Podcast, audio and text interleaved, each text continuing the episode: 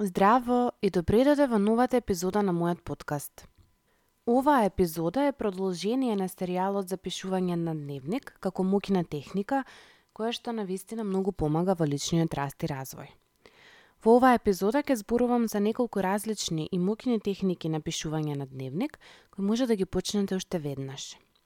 Сите имаме различни причини зашто почнуваме да пишуваме дневник и доколку се уште не ја знаете вашата причина, ви препорачувам да ја слушнете предходната епизода, односно зошто водењето и пишувањето на дневник е толку многу важно и кои се неговите бенефити. Секој од нас и знае зошто доаѓа на овој пат, односно на овој пат по кој што верувам дека многу поредко се оди, а тоа е патот кој што ни отвара на нова свесност, свесност за личниот раст и развој. Не постои само еден начин да се води дневник, а за тоа најголем доказ се оние тинејџерски детски дневници кои што сите се различни, уникатни, специфични на свој начин. Она што сега денес ќе го споделам со вас се неколку техники на пишување кои што јас лично ги користам кои што се доста познати, кои што ви предлагам да почнете да ги користите, меѓутоа прво значајно е да знаете зошто би ги користеле, односно значајно да имате цел поставено зошто почнувате да го правите тоа што го правите. Првата најмукина техника која што јас редовно ја користам и сметам дека барем досега најмногу ми помогнала затоа што е многу слободна, тоа се вика слободно пишување. Слободното пишување значи да ги пуштиш мислите слободно да течат, без да се трудиш да ги поправиш, да ги насочиш или да ги промениш. Меде ми е многу драго затоа што додека пишуваш не се обидуваш да се вратиш назад, да поправиш, да бараш грешки, да делиш е, правописни е, некои граматички грешки, совршени фрази, едноставно не се заморуваш со тоа како си го напишал тоа што си го напишал, туку на вистина најслободно ги изразуваш своите мисли и емоции, без да размислуваш на тоа, аха, како ова би звучало да доколку тој тој би го прочитал. Едноставно пишуваш за да се опуштиш, за да се испразниш од сите мисли кои натежнале, а не за другите да прочитаат колку прекрасни реченици и колку си ти многу мудра. Оваа техника за пишување нема правила, Може да се постави, да речеме, аларм на одреден период, толку и толку време да се пишува, може да се одвива тотално спонтано, доколку имате многу време може да се постават одредени цели, колку страници да се испишат и така натаму. Меѓутоа, не постојат правила. Правилата си ги поставува оној кој што си се одлучил за оваа техника. Може да се опишува денот, околината, да се сподели некоја бурана идеи, акутен проблем со кој што се соочува личноста, моментални мисли, емоции, приказни и така натаму. Зошто слободното пишување е толку мокно? Најверојатно поради една од главните причини затоа што помага да се изра... да излезат на површина потиснатите емоции, односно ни помага да се изразиме полесно, да се испразнат измешаните мисли и на тој начин да се средат и да се донесат во некој ред во нашата глава. Пишувањето на хартија помага да допреме до нашиот искрен и нецензуриран селф. Слободното пишување е мокно затоа што помага во процесот и на себе прифаќање. Колку повеќе и подолго пишуваме, толку подобро и повеќе се прифаќаме себе си, нашите мисли, емоции и искуства. Слободното пишување секако е процес на вадење и уважување на она што ние сме, а не на она што сакаме да бидеме и да им го представиме на другите. За да одлучите во кој дел од денот да пишувате, најдобро да си проверите со вашите подранчи колку Не знам, еве, доколку патите на инсомнија, идеално е тоа да биде пред спиење, доколку сте анксиозни во текот на денот, може да биде рано наутро за празнење. Не мора да е ниту на крајот, ниту на почетокот на денот, може да е било кога. Едноставно, Затоа и се вика слободно пишување, затоа што имате слобода да одлучите кога, како и колку ќе пишувате. Втората техника на пишување која што е многу моќна ќе ја споделам со вас е уметничкиот дневник. Односно, тоа е оној дневник а, кој што јас го препорачувам за сите оние кои што се визуелни типови на личност, односно кои што имаат уметничка душа и можеби повеќе време но од друга страна дури да немаат повеќе време, ова е одлична техника за и да се искористи за личен раст и развој во однос на оние кои што патат од депресија, анксиозност и така натаму, затоа што ја потикнува многу многу креативноста и на некој начин е како домашна задача која што бара, бара да да го исполните, да се дадете себе си, да бидете во контакт повеќе со себе и на некој начин да да допрете до еден дел од вас кој што е многу креативен и дел од вас кој што не само на еден начин ги искажува мислите емоциите, туку тоа го прави преку своето тело, преку боите, преку цртежите, символите и така натаму. Што е овој уметнички дневник? Тоа е дневник кој ќе ги кој што може да го исполнувате со боички, со цртежи, со слики, со некои сечоци, креации, суво цвеќе и така натака. Во него многу лесно може да се експериментира и затоа е одличен за за користење. Не постојат никакви правила ниту за овој дневник и не постои правилен начин како да се направи. Може да биде мешавина од ваши цртежи и текст, може да биде само визуелен дневник. Оно што е важно е да има во него голема креативност и различни бои или пак не мора да се бои, може да се користи со било каква техника, може некој одлично си црта со молив, со пенкало и така натаму, или едноставно со исечоци од дневник или некои различни текстури. Е сега гледате го на гледајте на овој дневник како платформа за искажување на вашата креативност. Она баш како што е Инстаграм, меѓутоа овој дневник никој не мора да го гледа, не собирате лајкови, не се замарате на кој дали и како му се допаднал. И доколку сакате да си ја потикнете креативноста, меѓутоа исто така и кре... идеите, инспирацијата и да се релаксирате, Одличен е, затоа што цртањето и боењето многу помагаа да ја допрете вашата креативност и да го разбудите она дете во себе. Доколку сте го заборавиле некаде далеко во минатото, затоа што како деца сите имавме ликовно во училиште и сакале или не, ние моравме да бидеме во контакти со ова креативно внатре во нас. Да, другите предмети верувам дека многу малку потекнувале на креативност, меѓутоа ете, За цела срека сме имале некои такви предмети кои што на вистина ни дозволувале да бидеме креативни, да се опуштиме и неколку часа во денот да поминеме во таква релаксација. Е сега не е потребно да сте уметник или пак да имате талент за цртање за овој дневник, затоа што ако почнете да гледате така на тоа, никогаш нема да го почнете. Јас многу често знам да се фрустрирам кога ќе видам нешто на Инстаграм, а, овие bullet journals обично се такви, внатре се исполнуваат и сега некој што е многу креативен го направил прекрасен. И јас дефинитивно не можам да го направам така да изгледа, бидејќи не сум толку многу добра визуелно. Меѓутоа, доколку го почнете Зато пак е повторам доколку го почнете како никој да нема да го отвори, како баш да е ваш, верувам дека од првата до последната страна ќе видите многу голем напредок. Е сега, Поентата е да разгорите таа креативност, истовремено да си ја одржите и фината моторика и затоа е одличен и за постари лица. Затоа опуштете сте и едноставно уживајте со овој тип на дневник. Следен дневник на списокот кој што Исто така, сметам дека е многу убаво да се води и го препорачувам, е утринскиот дневник. Како што и самото име кажува, ова е дневник кој што се пишува само наутро и поентата на утринското пишување е да се подготвите за денот пред тој навистина да започне.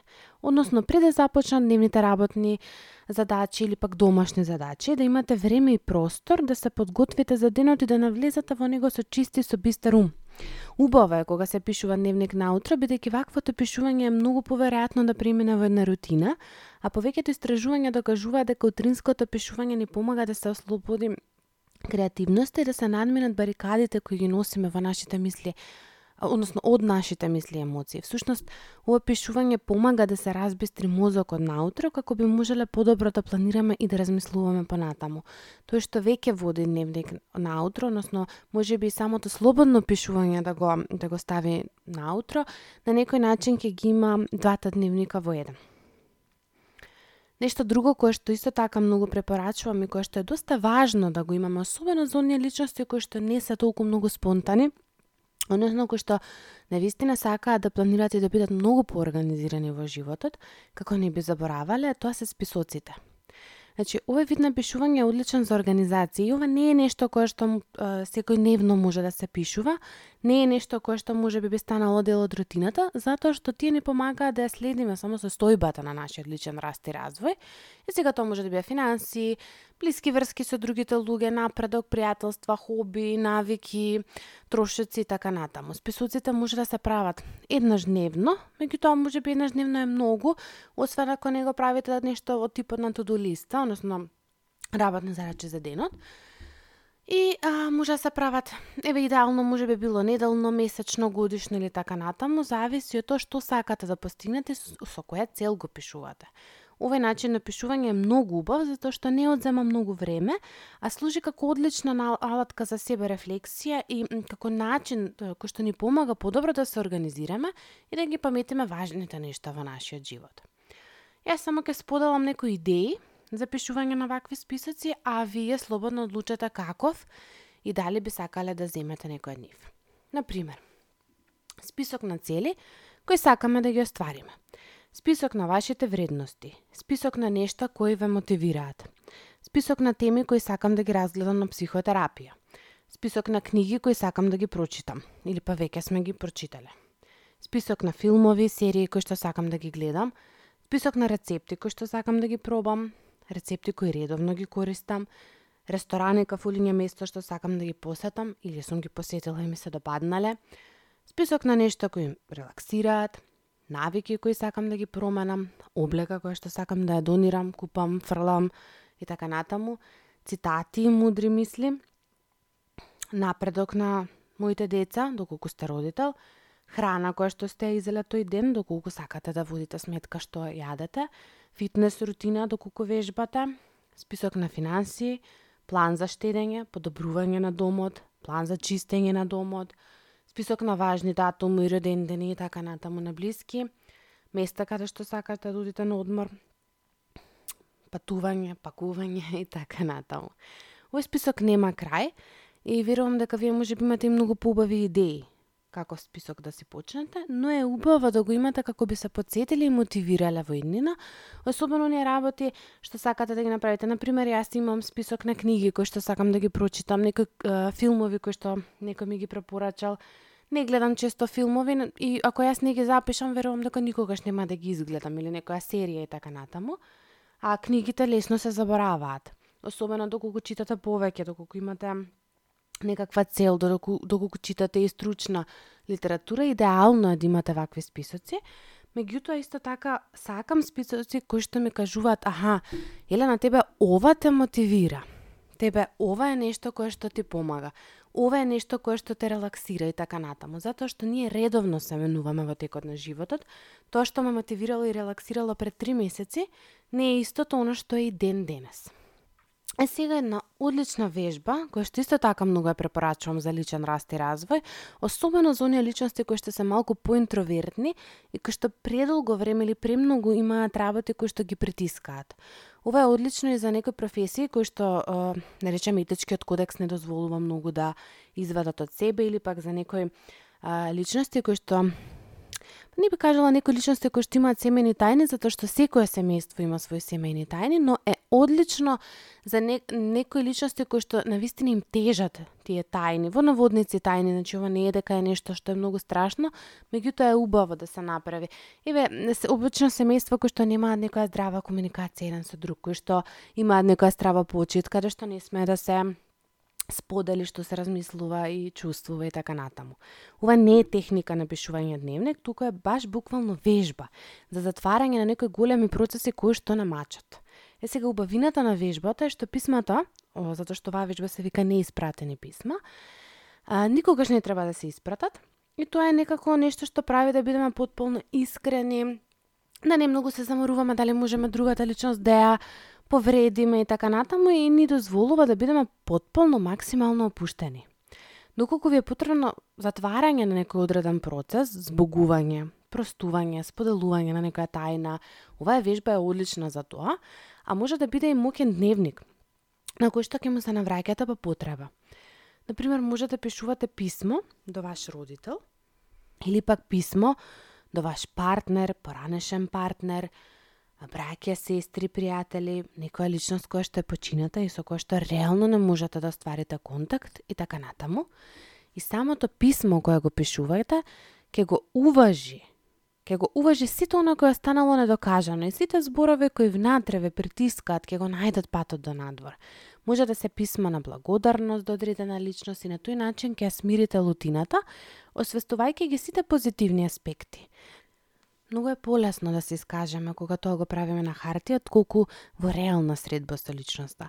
И ова ни помага да се ослободиме од сите заробени емоции кои што ги имаме, а секако и ни служи како одлично место да се извиниме на сите личности на кои сме, што сме сгрешиле, или можеме немаме реална можност да стапиме во контакт со нив доколку сме скарани, доколку не се присутни и така натаму.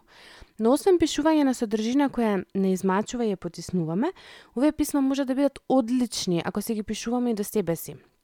Ете, например, писмо до идната јас, писмо до, не знам, Елена кога била дете, писмо до Елена кога била тинејџер и така натака, или пак може би да е може да биде писмо како пишувано од вашата мудра, идна јас, до сегашната јас, или од некоја позиција на Елена која што веќе се себе остварила и така натаму. И постои многу идеи за ваков тип на писма. Не знам, може да биде писмо до вашите деца и така натаму. Искористете си ја вашата фантазија и нормално вашата моментална потреба, што е оно кое што ви е најпотребно и е најмногу во склад со вас. И сега дневникот на негативни мисли е нешто кое што јас многу го сакам, особено доколку се сочувате со анксиозност.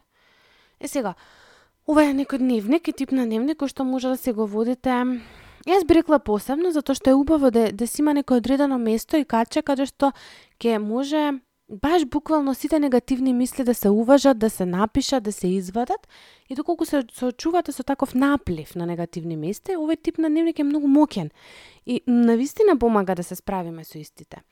Убаво е во било кој момент кога мислите дека се натрупаат, ви станува неподносливо, не знам, почнувате да патите веќе анксиозноста премногу ве пренавла...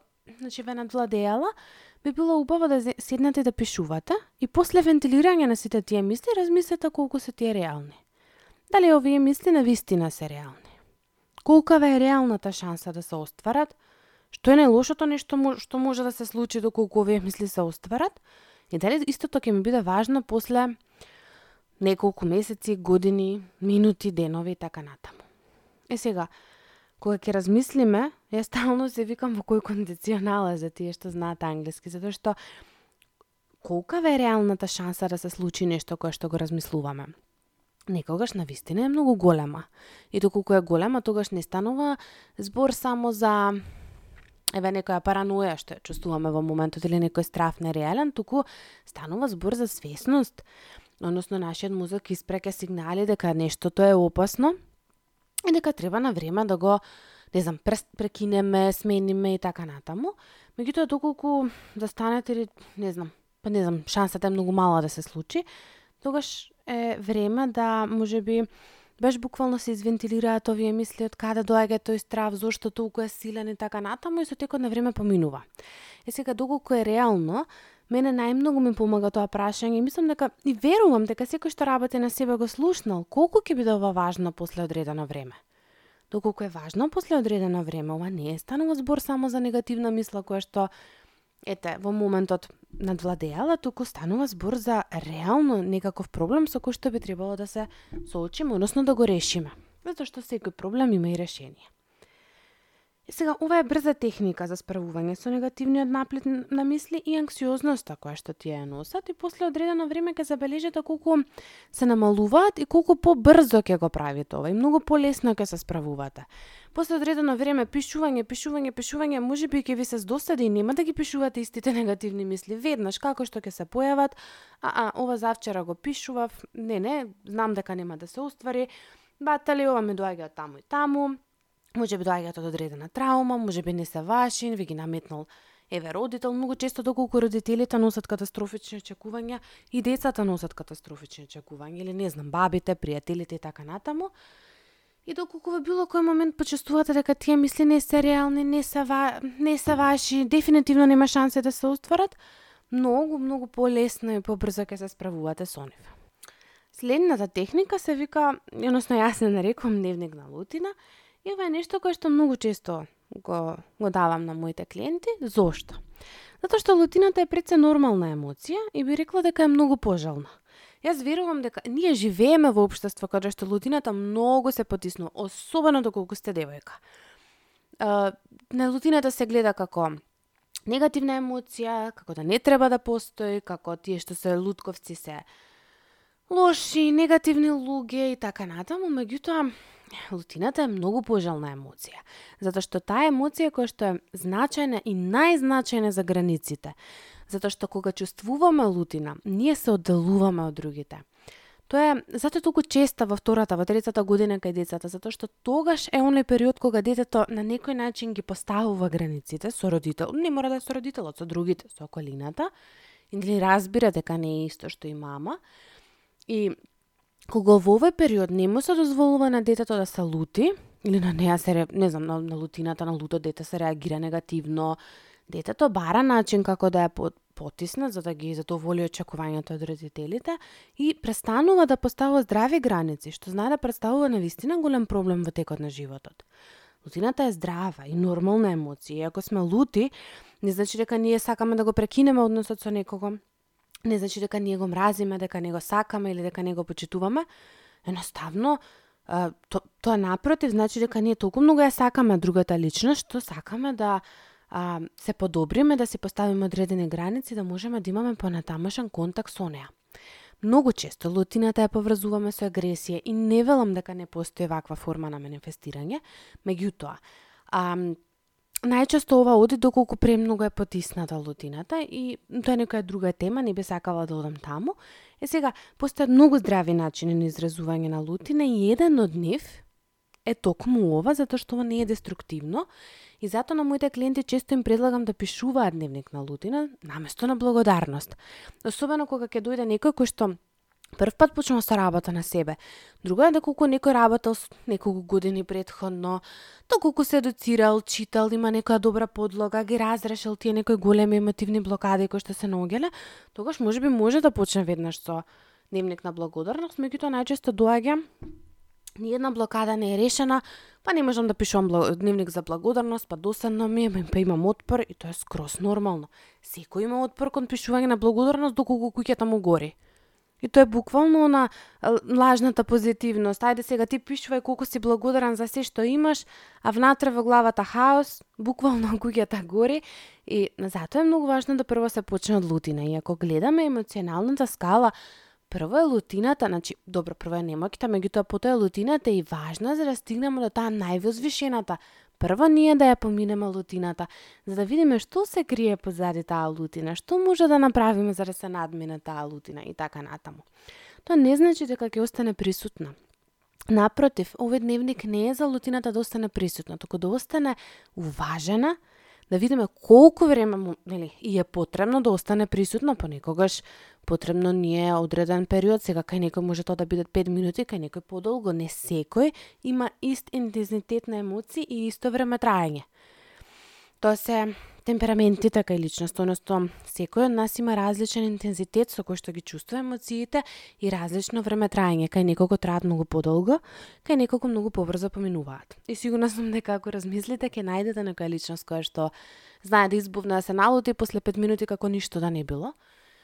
И токму за тоа зборувам, меѓутоа овој дневник е одличен за блокади, за неразрешени емоции, за застој некој кој што го чувствуваме, како и конфликти.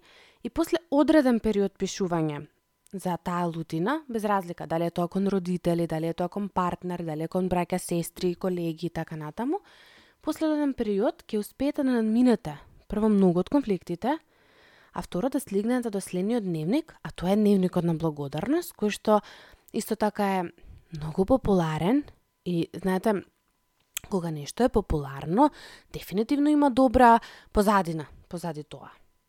Сигурно нема толку многу луѓе да зборуваат дека нешто е добро, доколку не го пробале или доколку на вистина не е убаво.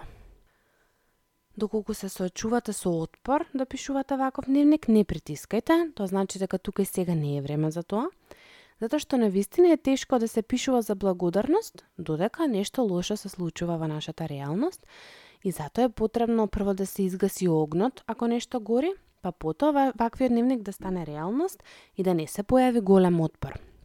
Ваквиот дневник помага и во борба со депресија, но многу помага со зголемување на самодовербата.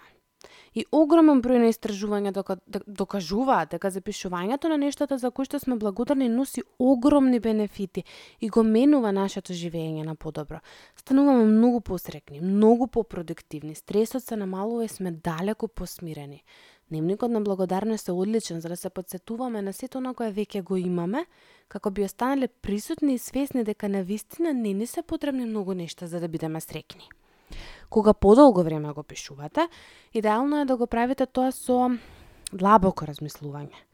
Значи на почетокот најчесто почнува да се пишува со некои очигледни нешта кои ги имаме, но со текот на време убаво е да се стави фокус на една, две или максимум три работи на кои што сте благодарни, а истите да не се така очигледни. Сега не е поентата овој дневник да стане туду листа и да биде секој ден нешто механички кое што го пишуваме, затоа што тогаш не би имал може би би имал некоја убава пак рутина, навика да го гледаме тоа што го имаме, доколку општо сме негативни, сме растеле во негативна средина, меѓутоа реалната психолошка позадина е на вистина да си дадете доволно време да го пишувате ова. И ова може да биде еднаш неделно, два пати неделно, не знам, еднаш месечно. Иако подобро е да е почесто за да останувате почесто свесни, Затоа што работите што ги пишувате не се само завршување на работна задача. Поентата е вистински да ги почестувате. Значи да најдете нешто за кое што сте вистински благодарни што го имате. Надвор од оние секојдневни работи, од типот на благодарна сум што сум здрава, благодарна што сум, сум што се разбудив, um, утрово благодарна сум што имам кров над глава и така натаму. Мислам, тоа е све прекрасно, Ама поентата е да најдете работи за кои што реално на вистина сте благодарни.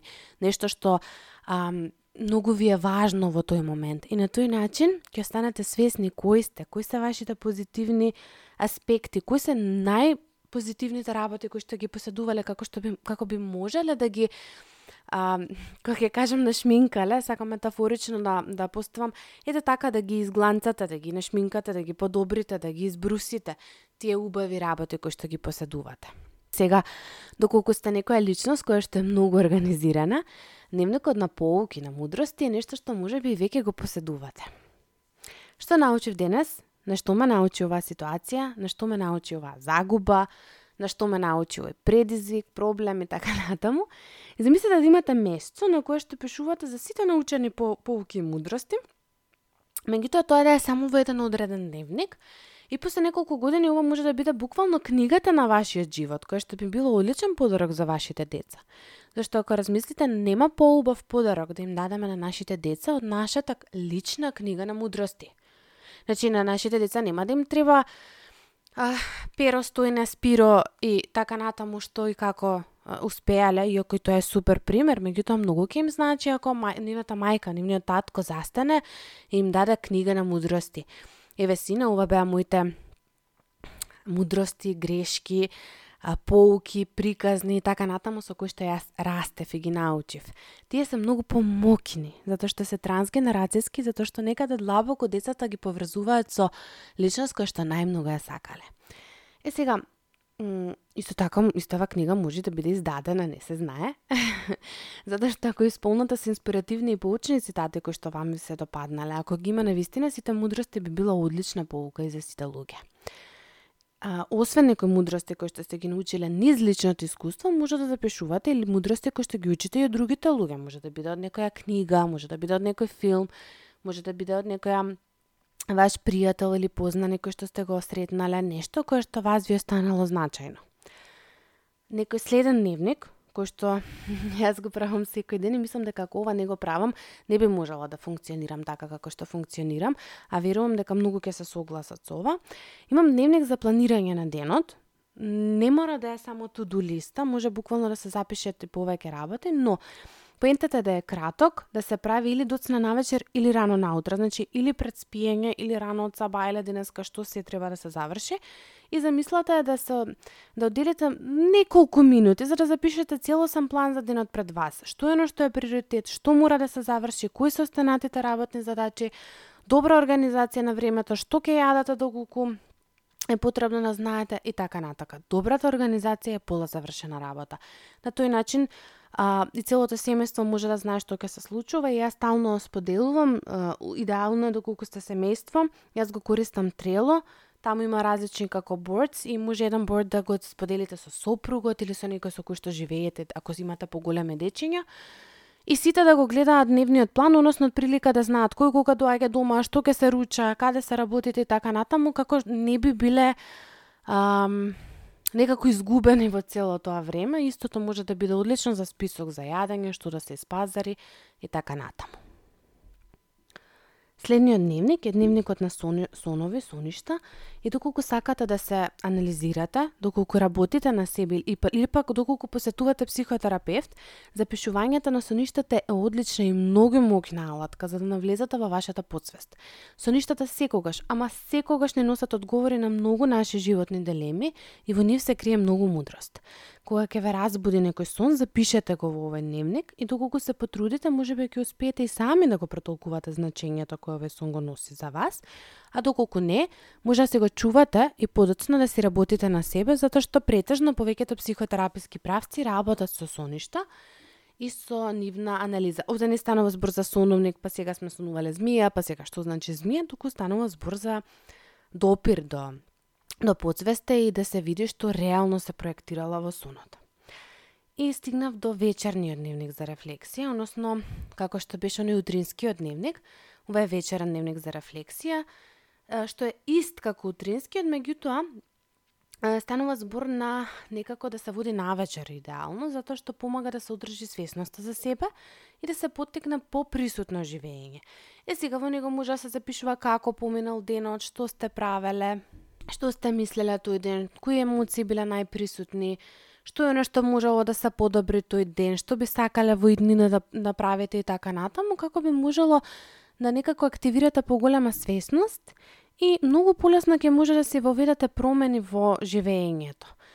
А, дневникот за слободно пишување е нешто кое што може да ги содржи сите техники на пишување кои што ги наведов, кои што се многу мокни, И затоа е нешто кое што јас толку многу редовно го практикувам. Нормално се случува да скокнам ден, никој не е совршен. Јас најчесто викенди не пишувам и меѓутоа ве потикнувам да размислите кој дневник за вас е многу важен, што е некој што за вас е многу важно да го правите. Не секој од нас е многу ам, креативен, не секој од нас е многу организиран. Има на вистина луѓе кои што дури не сакаат, бегаат од структура, не им се допаѓаат овие листи што ги спомнав и така натаму, меѓутоа А, истите, ако са бегаат, ако бегате од структура, ако вие сте некој таков, тогаш дневникот на слободно пишување е одличен за вас или обратно, доколку сакате структура, убаво е да ја добиете и некакво некаков поттик и место да пишувате, но секогаш бидете присутни, секогаш бидете во склад со себе и гледате што е нешто е приоритет тука и сега. Ако јас сум кажала дека јас го водам, не знам, дневникот на благодарност, не значи дека и ти треба да го водиш дневникот на благодарност. Не значи дека и дека и ти треба да водиш дневник утренски или вечеран. Може би за тебе идеален е уметничкиот дневник. Едноставно сите се наоѓаме на различен степен на личен раст и развој, сите сме некаде во својот процес и затоа е многу важно да бидеме во склад со тоа. Јас сум можеби заглавена сега во дневникот на Лутина и тоа е нешто кое што ќе го правам неколку месеци и не одам напред и нема никогаш да стигнам можеби до дневникот на благо... во наводници никогаш, секогаш може да се стигне до таму, меѓутоа мене можеби ќе ми биде потребно три години. На некој ќе му бидат потребни три месеци, на некој воопшто нема да му биде потребно таму да стигне, затоа што истото ќе го постигне со некоја сосема друга техника. И затоа што еднаш сакам да нагласам дека а, овој подкаст, мојот блог, Инстаграм профилите и така натаму и покрај тоа што сум стручно лице, не се стручни совети, не заменуваат индивидуална средба, не заменуваат психотерапија, туку се место кој што каде што јас на низиран лесен начин лаички начин сакам да ви пренесам некои големи истражувања, убави нешто кои што може би би ви биле од значење, меѓутоа ова е место каде што јас само сакам да ве информирам, може би малку едуцирам, мотивирам и инспирирам. Во никој случај ова не е препорака која што вие а, мора да ја направите, треба да ја направите и така натаму, единствено може би би ви отворила еден нов прозорец за начини како да почнете на вашето патување за личен раст и развој, како би навистина работеле сами на себе, односно би си помогнале да, ете, ја што викам тој кој што нема желба, нема време, нема финанси, така натаму да посетува психотерапија, би имал место каде што може да се инспирира и да работи на себе како би достигнал некој чекор плюс, односно би достигнал некоја скала плюс од а, и би живеел малку поквалитетен живот, како што нормално посакува. Ви благодарам многу за вниманието. Се слушаме наредната епизода со една многу нова интересна тема. Поздрав!